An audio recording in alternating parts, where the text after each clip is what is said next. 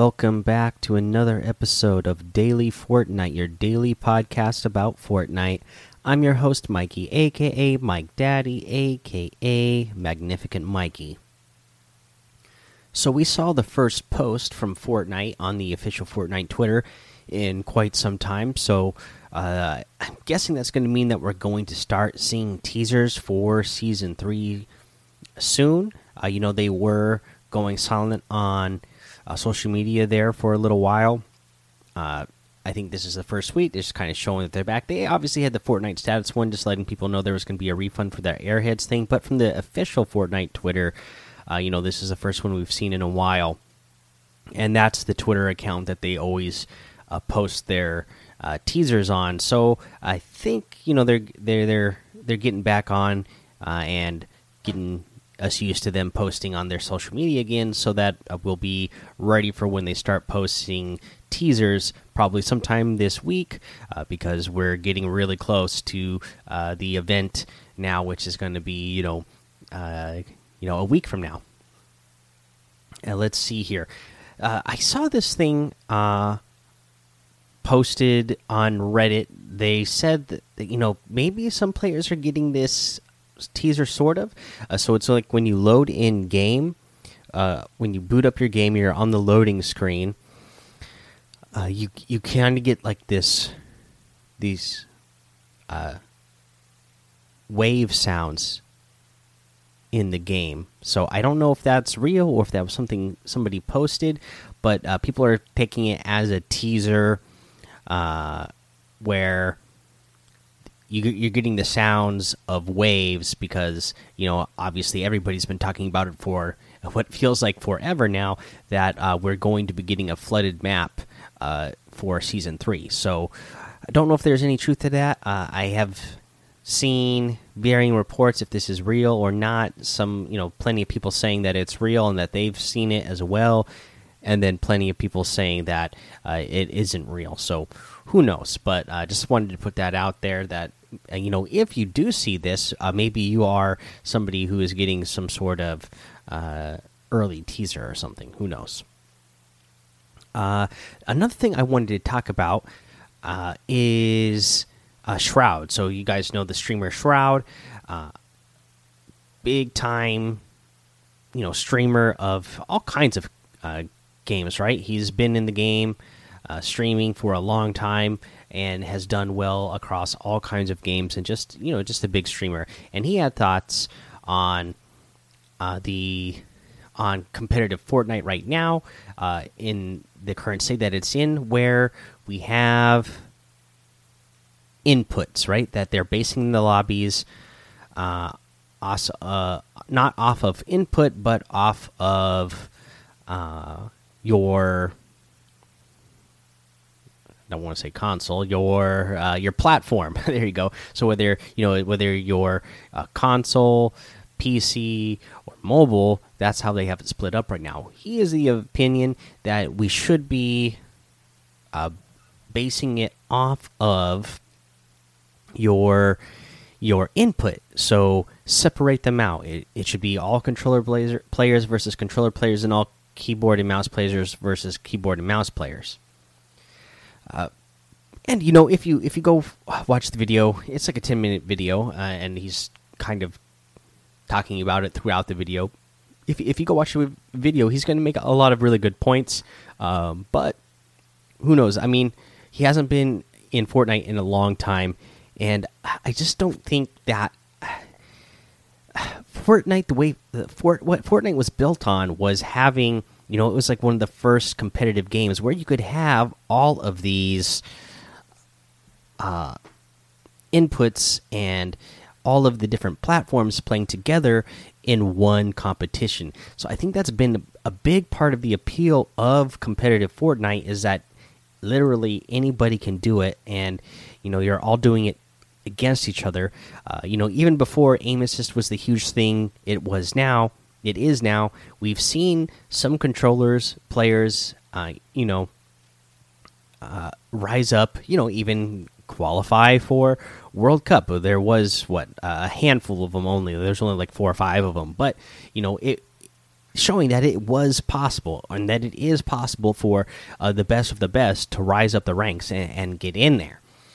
Uh, and so I think that uh, for again for me, especially as a viewer, that was always a big part of the appeal. It was like, wow, this is cool. This is something so uh, groundbreaking that no other game has uh, done before, where you're literally having cross platform competition, cross input competition, all going against each other, really to see who's the best of the best. Uh, you know, we've seen, you know, now that Fortnite's been out for over two years, we're seeing that there's a lot of insane mobile players who are doing really well in competitions. So, you know, that that's part of the appeal for me is seeing is is I like to see uh, the the the all of the best of the best in the same pool and see what it's like together. Now he doesn't talk about this, but I was thinking if if we were to go the route of Shroud, you know, I could see them doing it that way throughout the year. Obviously, we're not getting a World Cup this year, but you know, I could kind of see the point of saying, "Hey, you know what? Um, there's enough enough uproar in on all sides of the communities of you know PC you know PC players, console players, mobile players, and keyboard and mouse players, uh, and controller players. You know, there's all these separate factions. Why don't we uh, separate them out during the year and just have normal?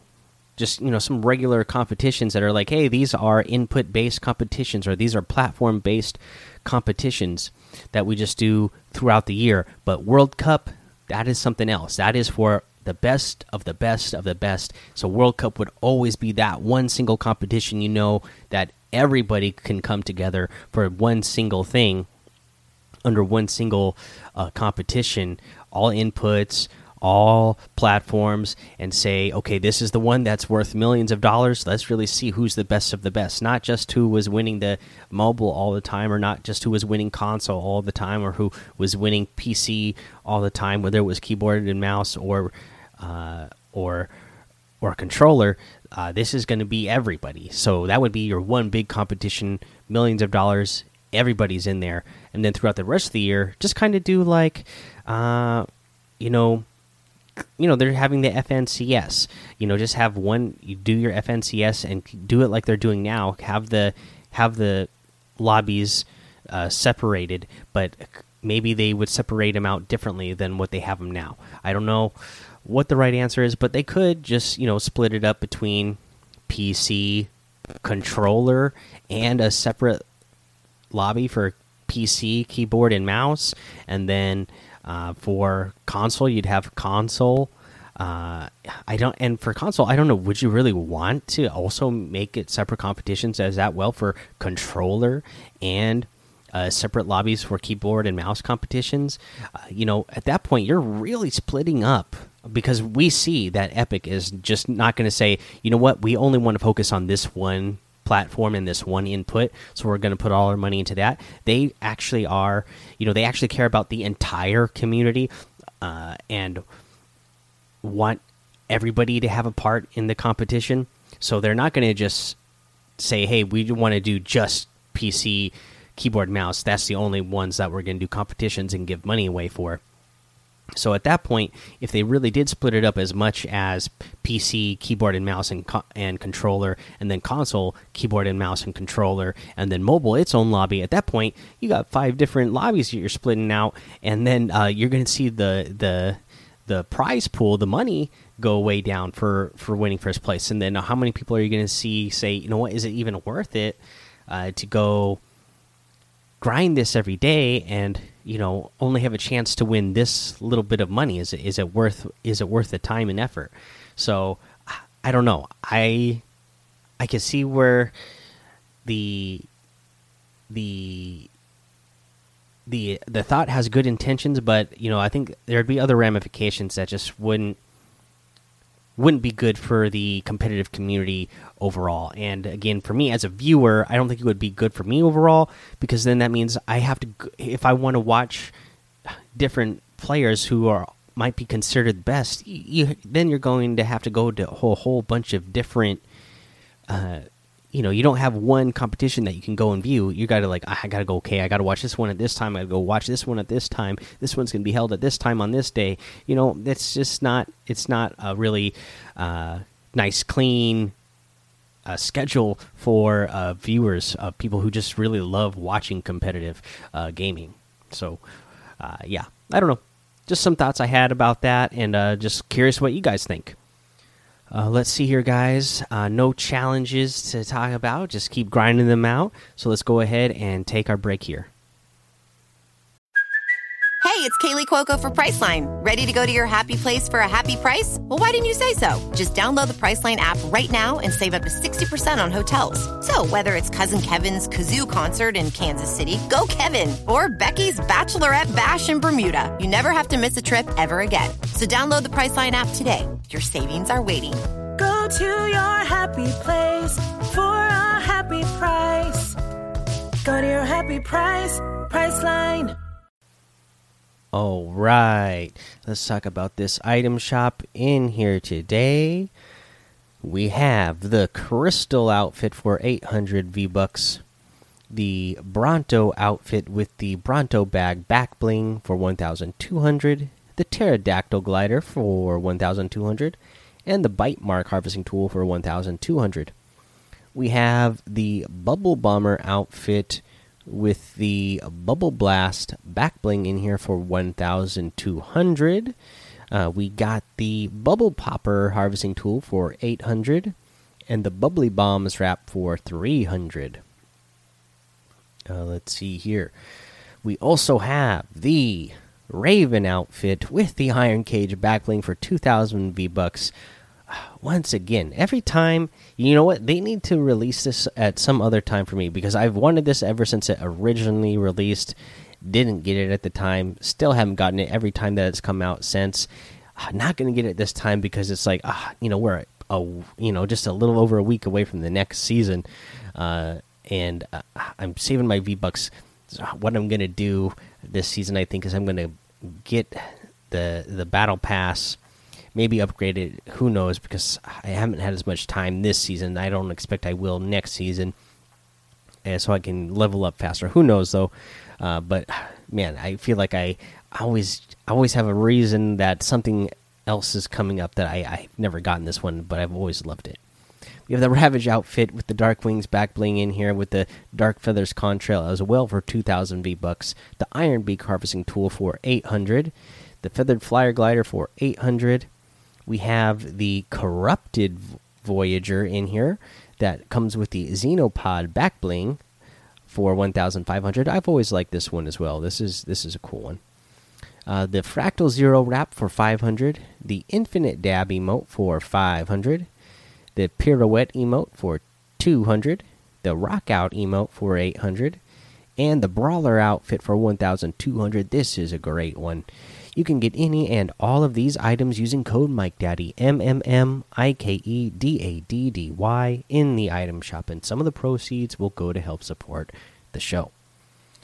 Okay let's go ahead and talk about our tip of the day. So this is a cool one that uh, i just found out about uh, I saw SypherPK do it, and from what I understand, it was also something that was popular, uh, posted on um, on Reddit. But so here's what you do: so you're trying to break into someone's box, right? You're in a you're in a one one v one with someone. They're in a box. You're you're trying to take the wall. You start noticing that they edit. And so, what's a popular edit to do from the when you're on the inside is when you're looking from the inside you know you're you're editing the top three right squares so that you're making a triangle on that side and then the person is hiding behind that wall jumping over it so that they have the right hand peek uh, with that wall and shooting jumping and shooting so that uh, the so that you wouldn't have enough time to shoot back or get a good accurate shot because they'll be jumping and falling down.